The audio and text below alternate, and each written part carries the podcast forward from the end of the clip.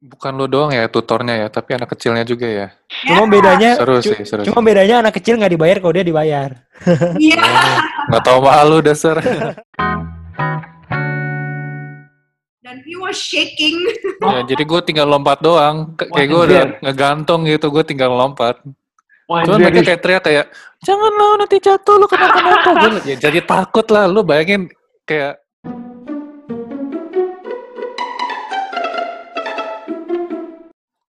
Halo semuanya, kembali lagi bersama kita Cuma Podcast. Podcast. Gue selalu lupa Q kita harus bareng-bareng gitu. Gak apa, masih online. We can work through this. Nah, terima kasih buat teman-teman semua yang masih dengerin sampai sekarang. Dan ya bu- meskipun bukan karena ka- bukan karena kalian banget sih kita ngelakuin tapi ya we're, we're still here for you guys yang mendengarkan. So thank you buat kalian yang masih mendengarkan. Anyways, kali ini kita kedatangan lagi tamu baru. Siapa nih? ini kita akhirnya guys dapat tamu cewek loh dan Akhirnya. Nih nih, Yeay, bentar sebelum abis sebelum kita lanjut, sebelum kita lanjut nih.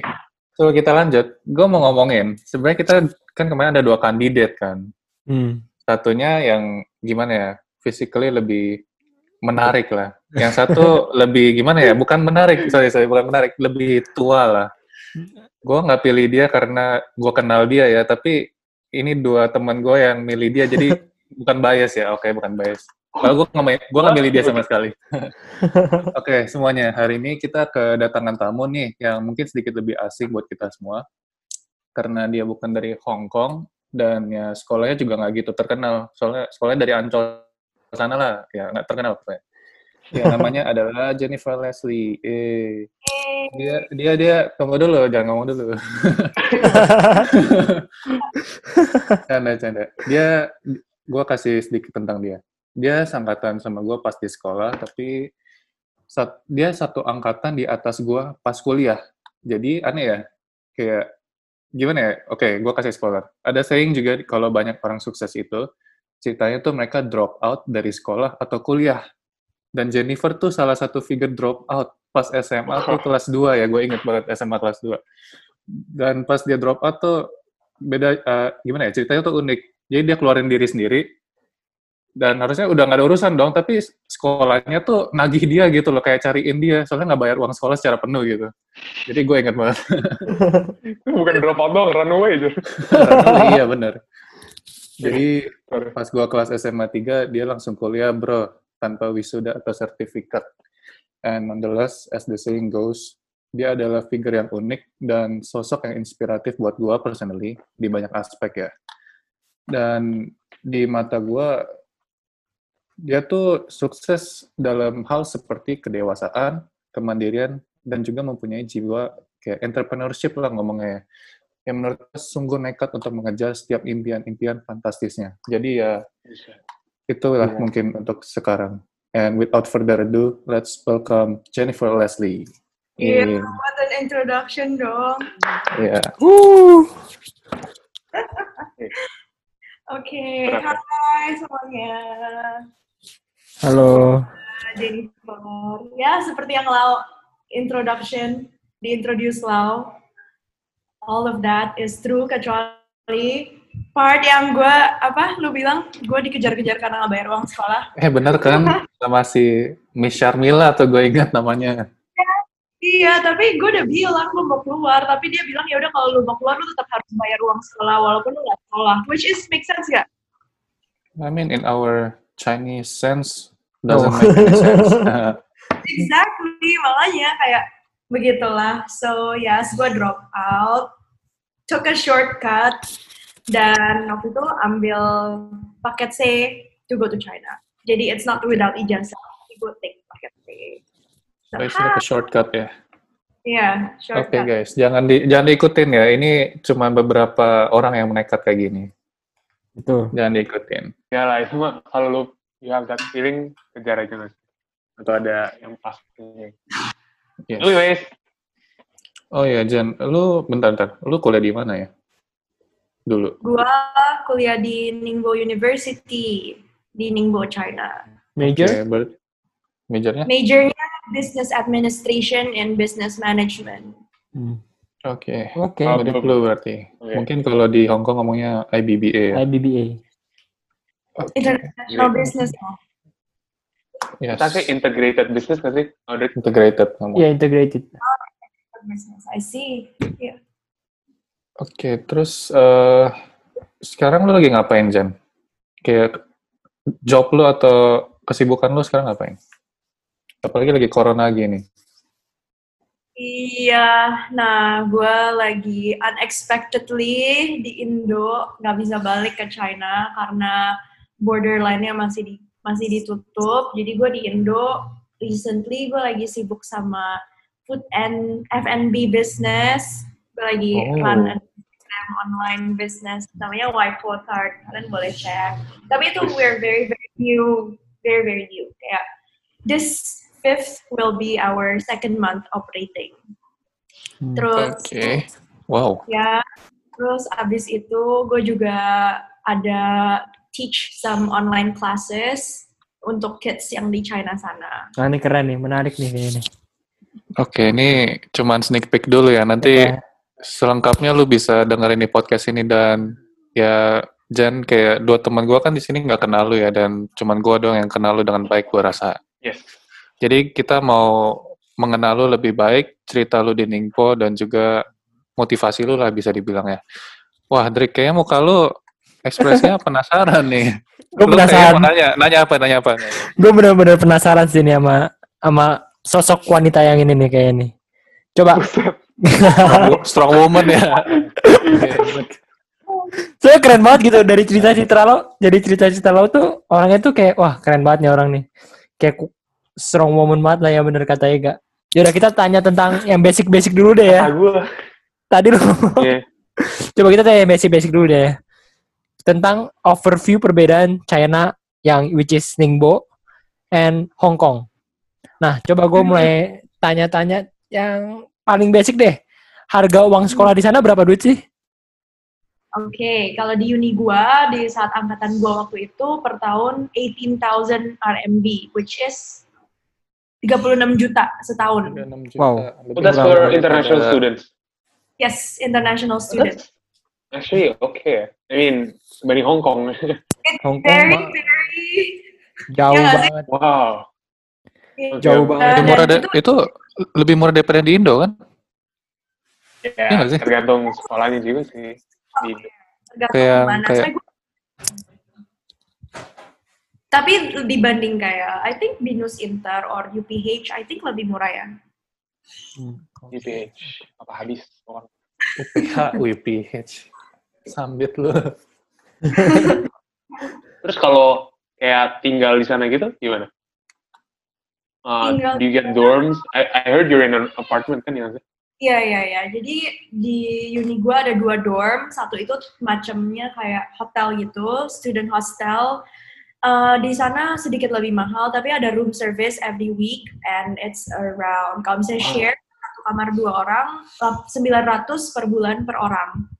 I think 1,8 berarti 1,8 per bulan per Itu that includes room service per week, just once a week. oh per week. Oh, Hmm. oh room service-nya per week, tapi 900 is per month. 900 Bayarnya. per month. Yes, kita mau bahas pakai Berapa? pakai RMB nih. Ya udah. Kalau will eh, directly convert whatever he say. ya udah satu RMB. Kira-kira itu 2000 rupiah kan ya? Ya, let's just take Yeah. dua Kali 2000 aja guys, Ya. kurang lebih. Terus itu hostel, tapi room service-nya ya they change our bed sheets every week and then that's it. Dan tiap minggu. Tapi it's also not nice. Soalnya kadang there are days di mana kita nggak ada morning classes. The only day in the week di mana kita nggak ada morning classes and we want to sleep in. Tapi the AI di sana mereka nggak peduli. They just open the door and they just want to change our while we're sleeping. Oh wow. Sadis juga ya Ai. service but ya anyway anyways itu enak dibersihin kamarnya di vakum gitu gitu dan ada satu dorm lagi uh, which is a bit further than the main campus itu 4,000 RMB per tahun Hmm. so What, what? Oh, oke oke. ya kalau dirupiahin yang ada room service 1,8 juta per bulan Dan kalau dibanding sama yang agak jauh itu 8 8 juta juta per tahun. Per tahun. Oke. Jauh banget. Gue bakal Bang, pilih yang lebih jauh banget. sih. Iya, dan secara furniture lebih bagus yang jauh. Oh. Oke, oke. Dan lu, lu pilih yang mana? Gua sebulan pertama di Ningpo di hostel for a month. Terus gua pindah ke yang agak jauh on the second month. Terus gue tinggal di sana for a year. Baru gua pindah ke off campus di studio apartment. Oke, Oh. jadi apartemen sendiri. Ya, Itu yang brown, brown bukan? yes, Brown. Pertama gue di studio apartment, di situ gue setahun setengah kayaknya. I think setahun setengah, terus baru gue pindah ke shared apartment yang flat itu. Oke, so Kalau dari- actually, Lalu ya nggak apa? Oke, nggak buat clarify doang brown tuh soalnya ada satu apartemen kayak wallnya tuh warnanya brown, makanya orang sana panggil brown, black, grey, Oh, ya nggak oke. sih? Ya, benar-benar. Oke. Jadi kalau dari dorm segala kan obviously jauh lebih murah dari Hong Kong ya. But okay, maybe that's not a surprise. Tapi maksud gue juga kebanding harga-harga ngekos di Indo, I think that's a very very fair price buat tinggal apalagi murid ya. Yes. Hmm. Tapi kalau kayak spending gitu, uh, how like what's the ballpark of lu pengeluaran sebulan gitu misal makanan? Cause I heard kalau dari anak Hong Kong dengar jalan-jalan ke China tuh, jalan-jalan ke mainland tuh jauh Murah, murah. Dan- Ya, very cheap. Di sana tuh buat kalau misalnya benar-benar your life, you only need food to survive your life tanpa online shopping gitu-gitu, you can survive with a thousand to a thousand five hundred per month. Wow. Thousand, berarti Sumpah. 3 juta max per bulan. Yes, lu Ya, bisa itu makan itu per bulan dan itu lu makan di kantin ya, kantin sekolah. Oke. Di situ kantin Itu emang kayak one one meal gitu berapa? One meal kantin yang meal, mm, I think cuma ini oke. 10 yuan.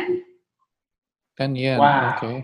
Itu bentar, bentar. 10 yen tuh makannya nasi, sosis, black pepper sauce, telur lagi. No! Makannya apa dulu? Makannya apa nih? Lu tau gak sih steam pork yang atasnya itu telur? Oh, Oke. oke. Ya oke. Gua tahu. Terus ada sayur cah brokoli pakai uh, black fungus atau Terus- cah very very homely vegetables yang biasa bisa dicah di rumah dan enak. Oke. Itu- Dan pork, sa- uh, sayur, nasi sama soup which you can take for free. Alright, alright. Tapi porsinya tuh porsi manusia atau porsi guguk gitu? Buat gua porsi gua cukup, tapi usually cowok mereka makan uh, maybe dua kali lipat. Oke, Oh, fair wow. enough. Fair Ya. enough.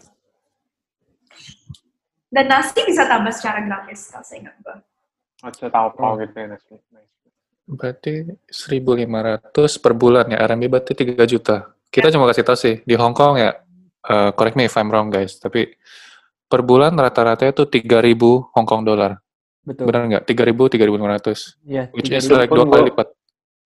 Itu menurut gue aja masih very much room buat lebih sih.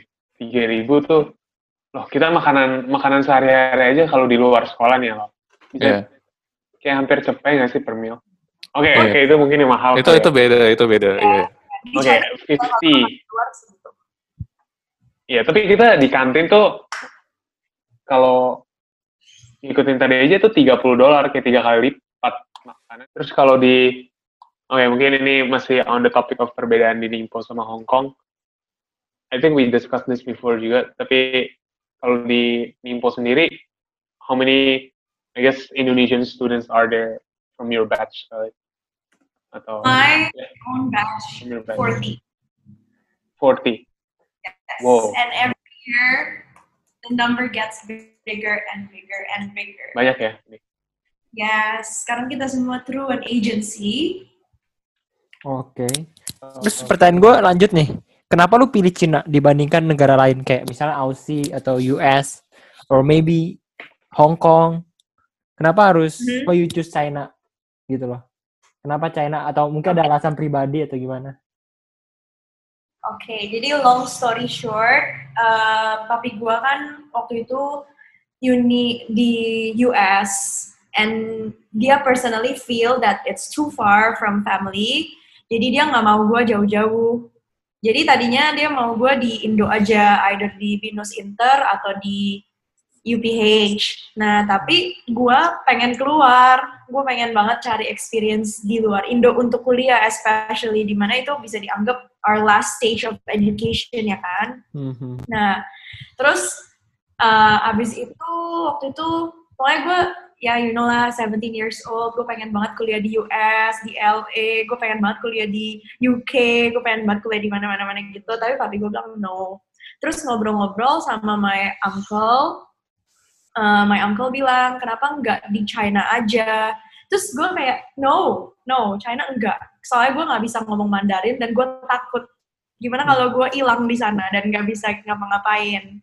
Betul, betul. so kayak anaknya my uncle uh, bilang di sana ada international university Jen. Jadi bahasa pengantarnya bahasa Inggris.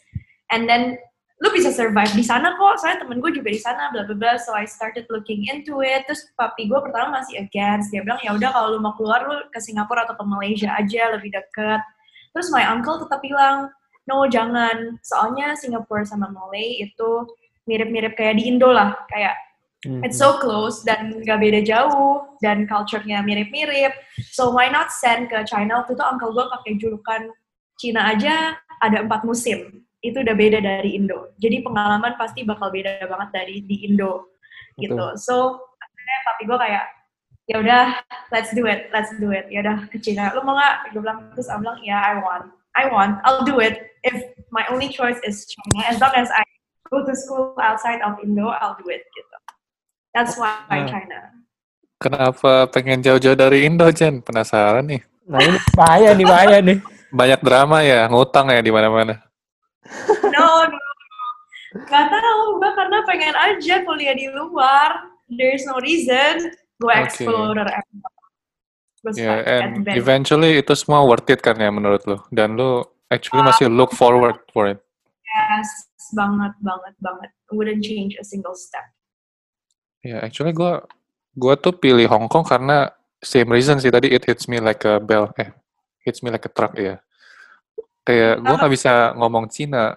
Jadi gue nggak mau ke Cina. Jadi gue mikir kenapa nggak Hong Kong aja? Hong Kong kan kayak benar-benar internationalized gitu where East meets West gitu loh. Jadi Hong Kong. But then gue nyesel karena terlalu comfortable. Di mana-mana bisa pakai ngomong Inggris sehingga gue nggak bisa ngomong Cina dengan baik. Iya nggak? Dan iya. eventually I realized about this late and akhirnya tapi ya belajar tuh nggak pernah telat menurut gue jadi selalu belajar dan jangan menyerah lah, jangan jangan jangan nyerah sebelum mencoba. Yap.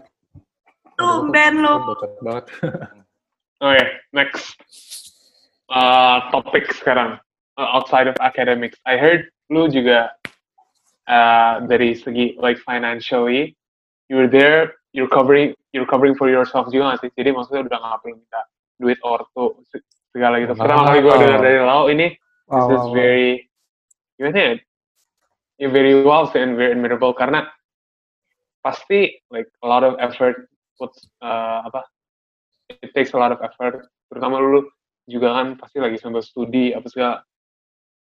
Coba mungkin kayak we'll start from the topic of kayak lu sebenarnya kerjanya apa aja di sana sampai kayak bisa nggak minta duit sama ortu ini jadi sebenarnya gue masih dikirimin parents money sampai uh, either tahun ketiga kayaknya. Nah terus gue itu kebantu banget sama scholarship. Oh, oke. Okay.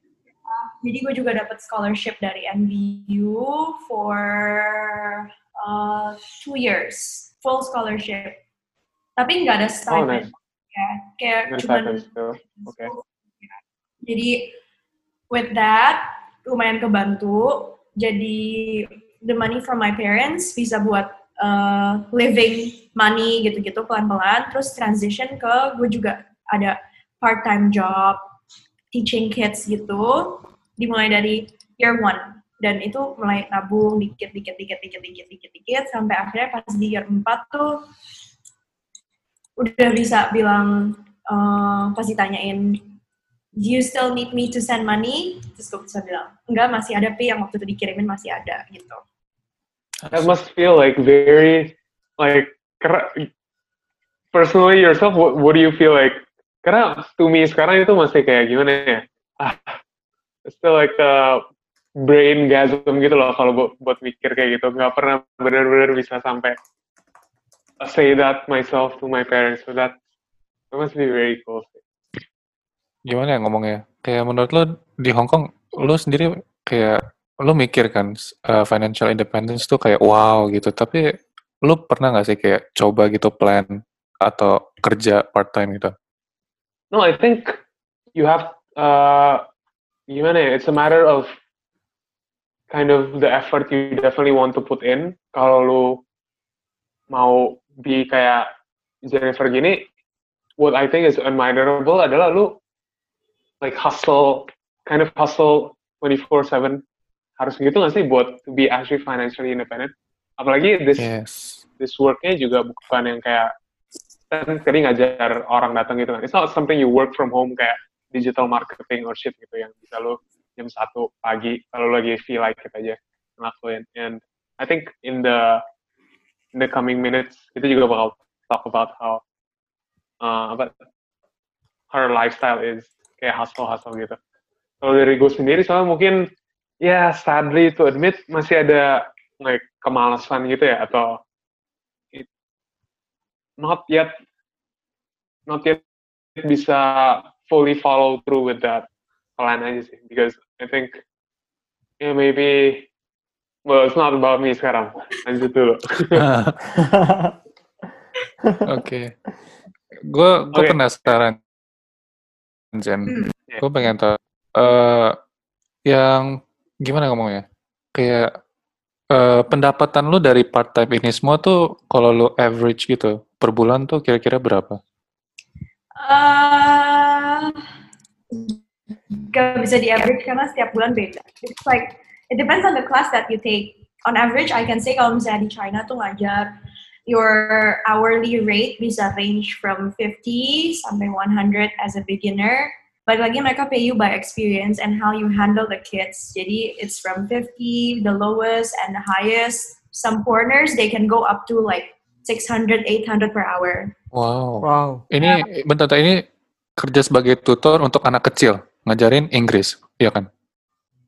Hmm, tutor, tutor. Kayak Oke. tutor English bisa, ada yang juga ngajarin arts, like drawing atau dancing. Oh, alright, alright. Ngerti, ngerti.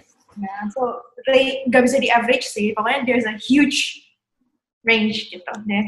Oke, di tengahnya deh, di tengahnya kalau gitu. Let's take, let's take 50 to 100 gitu deh. Yang very possible. Oke, 50 to 100. And gua waktu itu kan gua sempat ke Ningpo buat jenguk dia kan. Waktu itu janjinya sebelum dia graduate gua datang dan fulfill kan. Ya. Dan waktu itu lu bilang suatu figur yang menurut gua kaget loh. Gua gua kaget loh angkanya loh. Boleh gua disclose gak? Ah, jangan. Jadi lu, kecuali lu in the future juga mau discuss ini. Lu punya. Jadi Oh. ya gua nggak masalah sih, gua nggak masalah sih. Boleh nggak nih? Gue discuss, gue personally prefer kayak discuss yang karena yang very possible buat semua. Tim kayak gue tuh parah banget yang lu bilang Oh. kayak I take on hours sampai jam hoursnya gimana. tiga gitu. bangun jam tujuh ya. Ya, jadi ya it's it's it's hard. Jadi kita ambil yang very possible buat semuanya on normal hours. Oke, nggak apa-apa. Kita kita penasaran juga dong kalau ekstrim gitu angkanya berapa? Boleh dong, boleh dong. Maksa Maksa nih, Lau. Maksa ya, yaudah yaudah, jangan jangan. Coba kasih clue-nya aja waktu itu Lau di situ dibayarin semua ya. Anjay. Iya, gue ya? dibayarin guys, kayak di sponsor. Gue makan dinner, makan Indian cuisine kayak dibayarin. Terus Waduh. apa ya? Waktu itu shisha dibayarin itu berapa pot? Uh, gila boys. Ntar gue juga ke Cina gitu deh.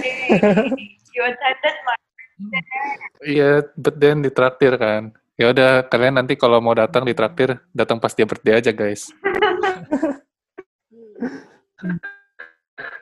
waduh Nah, gue wait, waktu itu gue juga pernah visit Hong Kong kan.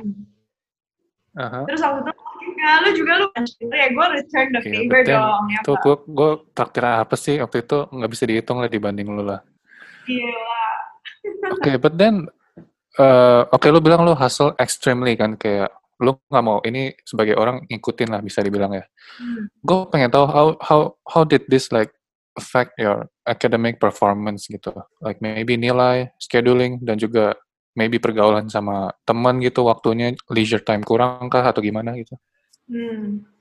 Kalau ke nilai dan academically sih, buat gua itu nggak ngefek akademiknya. Tapi lebih ngefek ke social life. Karena gua lebih ada, pokoknya gue very busy. Ekstrimnya itu tuh, ekstrimnya itu sampai ke level di mana seven days a week, gue seven days itu no free day. Nggak ada satu hari pun yang free buat let's say go out chilling sama teman-teman atau take a day trip out of the city atau pergi hiking itu di situ ngefek banget jadi di mana teman-teman semua pada ngumpul dan pergi-pergi I missed out on a lot gitu Oke, berarti efeknya lebih kerasa di social life ya. Social. Lah, but then gue rasa lu masih banyak friends lo di sana. How did you manage? I think friends come along the way gitu nggak sih? Okay, maybe Jennifer yes can yes yes confirm this. Uh, Like Yes. if uh, if your your your lifestyle is as you said seven seven days a week, you nggak ada free day, then your friends are yang friends you meet along the way kerja kayak gitu. Oh gitu. Ya, dan kayak ya boleh share lagi. Iya, jadi like the friends uh, itu when I say I miss out doesn't mean kalau misalnya friendshipnya itu terpotong. It's just that I I'm I'm not in most of their activities gitu. Misalnya they they want to go girls night out, drinking gitu kan. Ya, of course gue masih friends sama teman-teman cewek itu kan. Tapi cuman karena kayak I miss one nights and then two nights and then three nights gitu. We grew apart tapi kita masih remain friends. And then we just talk gitu loh. We just talk on day-to-day basis and that's how to maintain friendship basically. And then kayak it depends on the friend juga. If they still want to be in touch with you because along the way I also encountered some friends yang bilang oh Jan sekarang udah gak mau main sama kita. Padahal that's not the case. So those kinds of friends yang pergi and well it's sad to say but well that's life gitu loh kayak when you choose to do something you have to sacrifice something I guess Hmm. Perfect. But still, I think important to note, meskipun uh, as you said, friends come along the way gitu, I think it's still apa ya, tergantung mentalitas lu gitu sih. Karena gampang banget pastinya buat just give up and have yourself reward yourself a free day, and then yeah, not follow through with your the kind of consistency. Yeah. So that's Itu- aja sih. the many days I felt like that. But I think dari yang lu cerita ini nggak apa maksudnya you're still very apa namanya healthy and active gitu. Maksudnya nggak kayak nggak uh, break consistency consistency gitu nggak sih? That's yeah cool. Thank you. I think that's Anyways, yeah. Eh, gue penasaran juga, lu kan sibuk nih ya, dan gue rasa leisure time lu terbatas dan segala macam. Dan pas gue visit lu, ada satu guguk yang namanya Mili tuh. Gue gue penasaran lu, lu bought from the pet store atau gimana gitu, dan bisa ketemu Mili. Really, okay, so gue tuh suka banget sama dogs. I mean, I really, really, really love dogs dan kayak it's just nice to have a furry buddy, a company on your day-to-day basis. So it all started when uh, there's this group in, on WeChat di mana uh, foreigners in Ningbo they rescue street dogs, especially young pups yang abandoned somewhere atau bisa dibuang orang. They rescue them. Terus kadang shelters itu kepenuhan. So they spread around the group tanyain ada yang bisa foster gak the dog. Foster as in like you take in the pup, you feed him, take care of him until we can find him, uh, him or her uh, forever home gitu. So once there was this French lady, she's a teacher in a district in Ningbo, and she found this dog on the on the street. She took a picture. The dog was so cute. Dia black and white gitu, lucu banget. Very small, masih dua bulan. And I took her. Dia tanya, anybody available for a foster? Terus at that moment, I was like, okay, let me foster a pup. So I took her. Her name was Kay.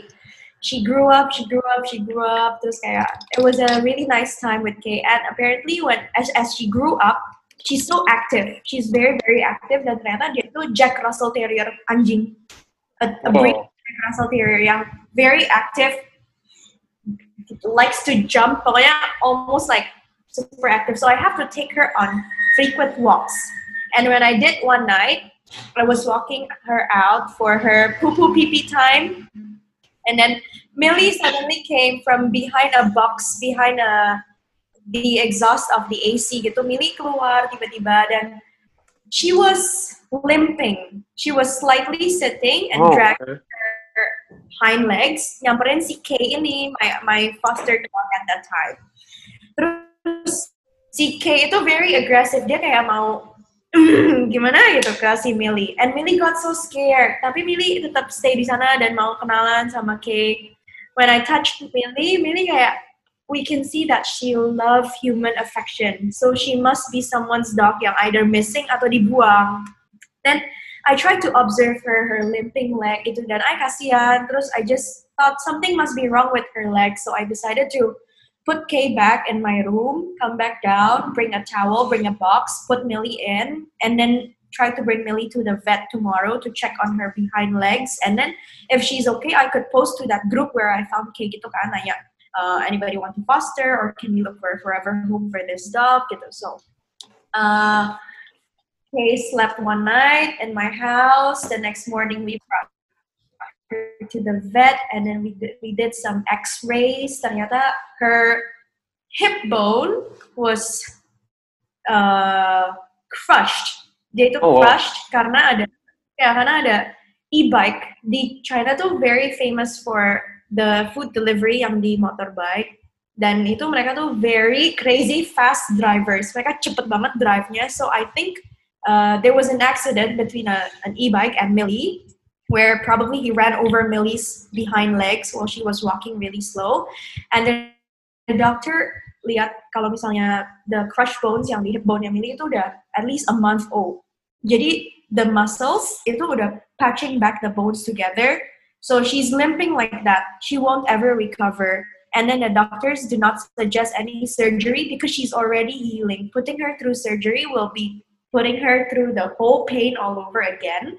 So kayak uh, I posted to the group and semuanya apparently udah pada foster dan gak ada space. So I had to foster both Millie and Kay. Tapi it was too much for me because Kay yang satu tuh very active and aggressive. Millie yang satu tuh very tender and soft. So I had to decide who to keep. And with my busy schedule I prefer keeping Millie and besides k was growing very fast and very big and very active so um, I had to hand Kay over to an Australian guy namanya Alan. Dia juga ada dog. And then he took care of Kay, care of his dog, and then I fostered Millie. First, I wasn't I wasn't up for adopting Millie because I wasn't sure of the permanent responsibilities that I have to take up. But then Millie, I don't know, kayak she's just so lovely dan grew jadi saja. Iya dan kayak She's so cute. She's so human. She's very human. Sometimes I wonder if she's a dog or a human.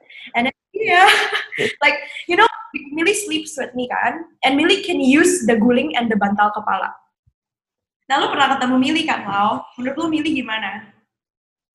Tahu kayak live lively cuman kalem sih orangnya. Kalau ada orang gonggong ya, kayak anjing lah. Lucu sih, cuman kayak ya panjang gitu badannya tapi kayak telinganya berbulu, especially di telinganya gitu. Cek aja nanti Instagramnya kalau mau lihat lucu lah pokoknya. Anjing kampungnya tapi lucu. Oke, eh, oke. Dari tadi topiknya udah lumayan lebih. I, I guess I praised you very highly juga. So I wanna ask like a more humane thing gini. Do you watch like Netflix series or what do you do on on like your Yeah. free days or free time? I love Netflix. I love watching. Any any specific series you've been binging right now, or like movies? Um, what have I been watching? Let's see. you watch Chinese drama, man? Yeah, but Anjir. I I cringe for Chinese dramas. Kayak nggak tahu, I I nggak cocok sama their Chinese drama. Tapi their movies are nice. Ya. Ip Man, gue cuma Oh, oke. Ip Man. Currently lagi watch. Oh, my favorite Netflix series tuh Money Heist. Kalian nonton nggak? Oh, okay. Ya, Oke. Leonardo is an expert. lagi menunggu season 4 ya. Season kan? Ya. Yes, Money Heist gila suka banget. I love those genre kayak yang bikin wah, otaknya putar dan unexpected itu that I love. Itu- okay. Capek sih gue nonton itu kayak gimana ya? Kayak lu tahu ini tuh lagi gone bad tapi lu percaya eventually ini bakal work out. Jadi kayak gitu gitu terus kayak stres juga jadi nontonnya.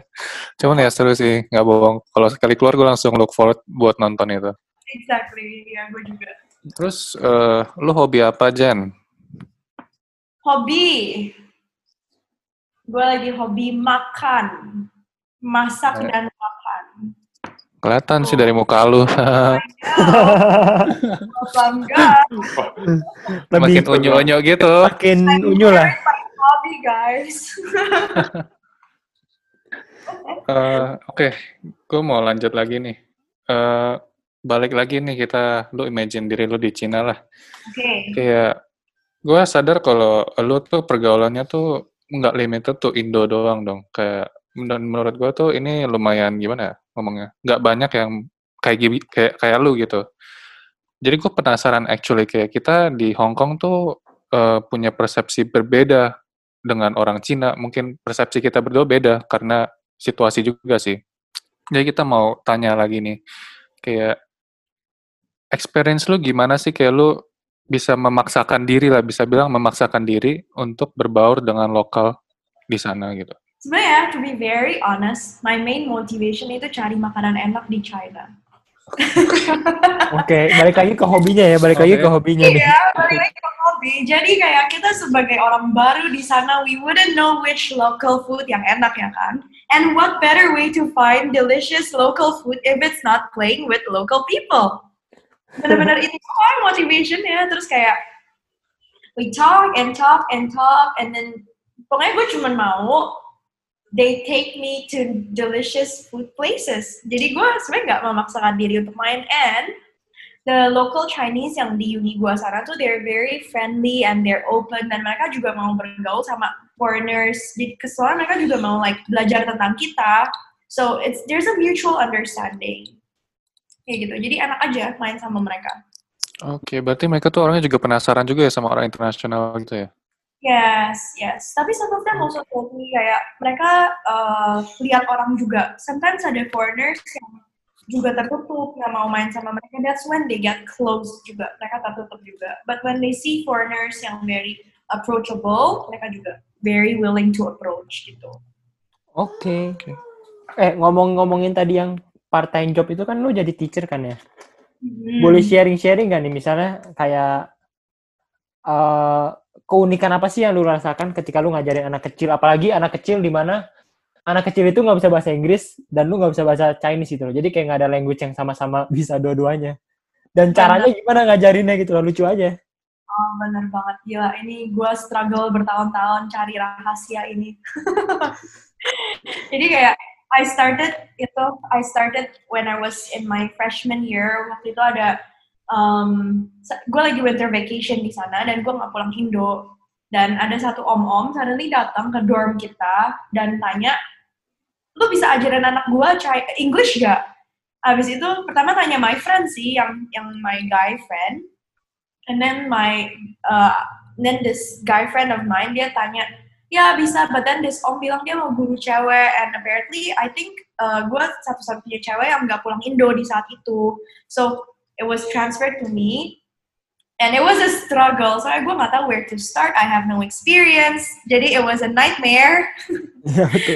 But then, yeah, but then kita figure out pictures. Pictures will do. So you point to a picture, you ask them what it is, in Chinese, and then you tell them that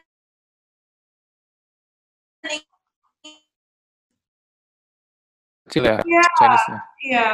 Dan jadi lu bener-bener fasih dari anak-anak kecil gitu. Terus lu juga ikutin nonton kartun Doraemon in Chinese gitu. yeah, sometimes yes. Yeah, literally kalau misalnya lu bayangin, you teach them, ini apple, apple, you show them a picture of apple while pointing and saying apple. They don't know what apple is, and a child's instinct, they tell you what they know, pingguo misalnya. Pingguo, pingguo, and then you get to know, oh ini namanya pingguo gitu. So it's a two-way learning. Oke. Pictures you go, Oke. it's like a pictograph memory, pictographic memory. Keren sih. Menarik. Jadi bukan lu doang ya tutornya ya, tapi anak kecilnya juga ya. Cuma bedanya Seru sih, seru. cuma bedanya anak kecil nggak dibayar kalau dia dibayar. Iya. Nggak tahu malu dasar. Bagi-bagi lah. eh, by the way ya, gue juga pengen nanya nih. eh lu sebagai, maksudnya gue bingung aja, kenapa om-om itu lebih prefer ke orang foreigner yang which is gak bisa ngomong bahasa Chinese dan gak, dan cuma bisa ngomong bahasa Inggris. Kenapa dia nggak cari aja orang Cina yang jago bahasa Inggris aja gitu loh? Jadi di satu sisi dia bisa ngajarin pakai bahasa Chinese dan dia juga bisa ngajarin bahasa Inggris. Nah itu emang udah jadi tradisi China atau gimana sih? Kenapa dia bisa sampai milih foreigner gitu? Nah, jadi gue juga pernah tanya pertanyaan ini dan dia bilang uh, karena kalau misalnya orangnya bisa communicate in Chinese, dia bakal cenderung pakai Chinese ngajarnya. Dan dia nggak mau itu, dia benar-benar prefer anaknya itu try to understand whatever English is going on, even though dia nggak ngerti. Jadi in a way, bapaknya ini juga mau train anaknya punya listening skills karena English dari foreigner dan English dari uh, Chinese Beda. beda Hmm. ada aksennya. So bapaknya ngarah ke situ sih. Oh, berarti bener juga sih ya. Cuman ada susahnya aja bagi tutornya. Iya benar. Terus gue juga pernah tanya bapaknya kayak what if your child doesn't learn anything karena dia nggak ngerti gue ngomong apa. Terus bapaknya bilang nggak apa-apa. I just want her to be in an English environment. Gitu katanya. Wow, keren keren. Jadi for Chinese, I think the environment itu paling penting. Lu dibayar mahal gak dibandingkan lokal? Atau it's same? Gue pernah tanya my Chinese friends yang English teachers juga dan uh, different. For foreigners lebih mahal rate-nya. Wow. Same kayak kita di sama sih kayak kita di Indo kalau misalnya kita hire misalnya foreigner of course kita ikut their Pay higher. Yeah. Think it's the same for rata-rata countries gitu sih. Iya I think We everywhere value foreign labor more. yep yep yep betul misalnya kita di sini in our schools kita mau hire guru Mandarin apakah kita bayar local Indonesians yang bisa Mandarin the same as the real Chinese teacher dari sana gitu kan Oke. Hmm. Oke, gue terinspirasi banget sih nih. Jadi gue ntar gue di Hong Kong bakal jadi guru Inggris aja pakai picture. Gue dengan dengan muka lu itu anak-anak kecil takut dia Drake sama lu. Canda, canda. sekalian, sekalian belajar kento aja kali. ya. Kayak keren juga, sumpah keren banget sih. Satu sisi lu Bisa. dibayar, satu sisi lu dapat ilmu dan dapat uang. benar benar nggak salah it's right Oke Drake, gue tunggu ya kantor lu ya satu tahun lagi ya. gue pengen balik lagi nih tentang blending in with the locals. Hmm. Gimana ya ngomongnya? Kayak gue kan ke sana juga kayaknya bisa merasakan dikit kayak bedanya gimana sih orang Cina. Kayak salah satu yang noticeable itu pas kita lagi makan di mana gitu gue lupa. Deket Browns kalau nggak salah ya. Yang makan apa sih? Yang kayak lobster lobster kecil bukan ya? Apa sih namanya? Gue lupa. Longsia longsia ya. Ya pokoknya tapi orang sana tuh anak mudanya tuh unik-unik ya. Kayak kalau mungkin di kita tuh culture-nya kita nongkrong minum kopi bareng terus ngobrol kan kok nggak mabar gitu. Ah, Mabar. tapi lu inget gak sih kayak ada a, a couple of uh, young guys like mereka minum bir berapa botol kayak berapa lusin inget gak sih? Iya, mereka kayak itu lusin loh lusin loh jadi kayak botol bir gede satu liter ya. Terus kayak dua lusin gitu udah kosong sama mereka. Oh iya, apakah itu sesuatu yang normal gitu di di di Cina ya? yes, itu sesuatu yang normal di China. Gue juga masih shock sampai sekarang. Yang pas kalian tanya gue itu, the most recent event yang gue lalui adalah Chinese weddings. gue attended my friend punya wedding, and then in, in the in, in in in her wedding, they serve cigarettes di mejanya. Wah. So you can smoke in the wedding, which kita nggak do in Indo kan? Iya Oh, lah. iya. Iya, jadi so like the whole ballroom itu penuh dengan cigarette smell. So itu menurut gue yang gue very very shock. Cuman pas gue tanya, why do you guys do this? Katanya it's a form of respect for the elders. It's a way to like hang out, to mingle. You need to have a cigarette gitu katanya. Oke. Social smoking culture. Wow. Mm-hmm. Ya, so they eat. Mereka itu wedding di sana yang gue attend makan meja, sistem makan meja. Jadi yang how we do it in Indo yang ada 10 types of food on the table, kita share with the people. Di situ juga ada cigarette. Jadi tangan ini cigarette, tangan ini makan. Culture shock gue yang gue baru alamin recently. Oh iya, lu anti smoking banget ya. Iya gue. Lah tapi seingat gue dulu lu sempat ada masa-masa di mana lu suka gue disclose ya, Apa tuh? lu suka nge-vape gitu. Oh ya, gue Lu suka beda gitu. I like shisha. Karena shisha menurut gue nggak bau. Oh, Wangi iya. banget wangi, sih. Wangi, wangi, wangi. Iya, shisha wangi Oh. beda sama rokok. Rokok gue bisa rasain baunya sampai sini. Tapi Eh shisha, sisa juga lah. Di si- iya di kerongkongannya juga kerasa cuman wangi-wangi kan. iya. Nah bedanya itu wangi dan baunya. Oh, jadi kalau rokok wangi lu mau gitu. Kayak rokok rokok rasa stroberi gitu. Gue pernah coba kayaknya essays yang rasa apa gitu, tapi masih bau. Jadi no, let's stick to shisha. Oke. Oke. Eh, tapi sejak corona gini jangan shisha lagi ya. No, no, guys. Oh iya, nggak bagus banyak-banyak. Uh, another thing yang tadi sempat kita bahas juga sebenarnya, I think there's so much hate towards uh, mainland China sekarang. Apalagi we're from Hong Kong, national security law, terus the protest and everything. Do you have any opinions tentang itu, or are you as a mainland Chinese student juga merasa kayak orang Hong Kong bahkan ih kok protes-protes terus or something like that? Gimana? menurut gue sih, karena gue basically juga gue neutral sih, kayak I'm sure there's a lot of history and political influences going on between the in the intensity that Hong Kong people feel towards Chinese people and vice versa. Tapi ah, ya, gue personally gue nggak bisa get involved in that because I wasn't there when all this started or or kayak nor do I know why it all started and kayak itu semua based on personal opinion and influences dari governments ya. Dan menurut gue personally kayak uh, Chinese people I don't know why they hate Chinese people. Menurut gue Chinese people so nice. Okay, Iya kayak nice. Yeah, they're, they're very nice and they're helpful and they're open and they're so nice. Mereka one of the people, I think one of the nicest people culturally speaking that I've ever encountered. Dibandingin sama other nationality You don't feel like your freedom of speech or uh, whatever is being oppressed or retained gitu. Enggak. Okay. Information. all of I think as well, yeah, the so the fundamental difference adalah kayak beda ideologi aja gimana gitu and mungkin as you said kita neutrals karena like we're just kita foreign students living di sini juga Iya. living di sana juga so Iya. fair fair fair Yeah, dan kayak the laws they are trying to impose, I don't feel like it affect us directly as international students unless kita Hmm. local citizens, yeah. So I don't think we have to take parts in that way, especially kalau misalnya it will impose a negative effect on whatever is going on. Jadi it's better to remain neutral sih menurut gue gitu. okay Yeah. fair fair Oke. Gue ada grand gue nih. Gue pengen gue pengen nanya-nanya lucu aja sih nih. Lu punya gak sih selama empat tahun di Cina ya? Sekitar empat tahunan lah ya.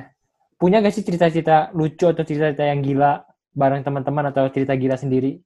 Apa ya? Millie story udah lucu sih I never would expect Oh, dog ya. gue lagi gak kepikiran sih. Ya, kayak contoh deh, misalkan di CUHK pernah di dalam kampus kita ngelihat babi hutan, kalau enggak badan kegeletak tuh di jalan. Ya itu kan crazy stories. Kayak kita mau, misalkan juga kayak di di di, di apa ya di gedung Fakultas Engineering ketahuan ada orang lagi kemprut gitu di di toilet gitu. Perut is what man? yeah, Kemprut what is- is comfort? Aduh, lu li, masa nggak tahu sih? Aduh, ya it means what it means. Like menurut lo, Bercinta. Ya bercinta. Oke, asik profesional bahasanya. Ini tinggal ngomong aja. Ah, gue gak pernah sih encounter ini di China. Nggak nggak harus kemprut, nggak harus kemprut apa aja. Yang menurut lo kayak yang pengen lu share gitu lucu gitu atau wow gitu. Hmm. Um, Yang cerita bareng lau aja deh, cerita bareng lau. Yang lau misalnya ke sana yang kekunci itu loh. Oh, ya Oh, dapat iya. bro. Oke, jadi waktu itu yang waktu gue graduation trip dan now main ke China, kita juga ada teman dari Gandhi yang di Nanjing kan, si Andrew ini. Terus kita waktu itu main ke Nanjing. For some reason, gue nggak tahu kenapa, eh, kita that last night di Nanjing, kita decide untuk tinggalnya Andrew di apartemennya Andrew. That's your common. Kenapa ya? I also forget kenapa. Tapi when we reach there, kita lagi bersih-bersih ya, kita lagi pack our stuff, lagi chill. Terus Andrew-nya I think lagi mandi, and then gue lagi di ruang tamu, lalu lagi di kamar, dia lagi abis ngambil sesuatu, and then he closed the door kayak gitu. And the dorm di rumahnya, eh, the, the pintu di dormnya Andrew itu adalah pintu yang you have to open with a key. Do you know Yeah. that? It's not the ceklek ceklek gitu, tapi it's like you need the key and then you push and then it's gonna open. Without the key, you cannot open. And then Lau doesn't know that, jadi dia langsung tutup dan Andrew baru selesai mandi, dia mau masuk kamar dan dia nggak bisa buka pintunya. Terus Lau juga bilang, Andrew buka dong pintunya. Lah gue nggak, kuncinya di kamar. Iya lah, lu lu tutup ya. Goblok lu anjir. Andrew langsung Aduh, itu stressful banget sih. dan lo kupingnya merah. He was so guilty. Dan bayangin itu jam 2 pagi guys. Itu jam 2 pagi dan kita locked out of the room. Kita nggak ada handphone, nggak ada wallet, nggak ada nothing. And itu tuh lagi sepi banget kenapa ya? Oh lagi summer vacation. Iya. Semuanya udah pulang. There's nobody in the dorm. Dan kayak air udah tutup, satpamnya udah tutup. Sekarang kita juga kagak tahu mau tidur di mana. Masa kita di ruang tamu. Terus abis itu, abis itu kayak eh, apa namanya? Kita coba buka- kita coba cari Ainya, Ainya udah tidur dan Lau sama Andrew turun kayak gedor-gedor. Kalian gedor-gedorin Ai ya? Nggak tahu sih ini cerita lu sih, saya gue nggak turun. Iya, gedor-gedor. Terus AI-nya nggak jawab. Terus lama-lama kita gedor terus, baru teriak. Kayak nggak mau ngomong Cina lah. Kayak pokoknya kayak disuruh diam gitu. Udah, gue udah nggak kerja gitu. Kayak, gue balik sana gitu. Nah, terus apa it- Jen? Get resolved. Nah, terus kayak abis itu luckily enough, gue ada laptop gue. I was with my laptop with me karena gue lagi masih atur something work related gitu kan. So, this work friend of mine, dia masih bangun. My Chinese friend, namanya Yan, by the way. Her name is Yan. Gitu kan. She was I forgot how it goes. Lalu ceritalah. Iya, terus si Jen akhirnya ujung-ujungnya si Yen-nya ini telepon polisi bukan sih? Wow. Atau Iya, Oh, iya. telepon kayak security security punya Nanjing. Iya nggak sih? Security Iya, iya. office di Department Dan-. Dan Yen itu bukan di Nanjing, di Ningpo bukan? Iya, benar. Ya, jadi kayak antar distrik gitu loh. Antar kota, antar kota. Terus kayak wow gitu tiba-tiba terus kan kayak sebenarnya nggak boleh ada visitor kan jadi gua sama Jen turun dulu ke kamar temannya terus ngobrol bentar terus disuruh balik ke kamarnya. Jadi pas ngapain tuh? Jadi tiba-tiba nya yang udah pissed off gitu dia buka pintu karena dia teleponin sama security-nya. Terus dia kayak marah-marahin teman gue si Andrew kayak lu ngapain sih telepon security-nya? Nanti gue kena masalah gitu. Pokoknya diomelin terus. Jadi teman gue itu malam itu pissed off banget. Tapi ya eventually dibuka sih itu si AI sialan juga sih. Cuman yang gila itu sampai mau manjat Oh keluar iya, nggak iya, sih iya, gila. Jadi waktu itu kayak eh Ainya benar-benar marah banget and we have no way dan kita butuh banget masuk ke kamar itu soalnya kayaknya kita mau book tiket balik ya tiket kereta dan kita butuh passport document atau apa gitu lah pokoknya something important was in the room dan now mau manjat balkon dong Dia Kayak balkon untuk buka pintunya dari dalam. Gaya. Rembo.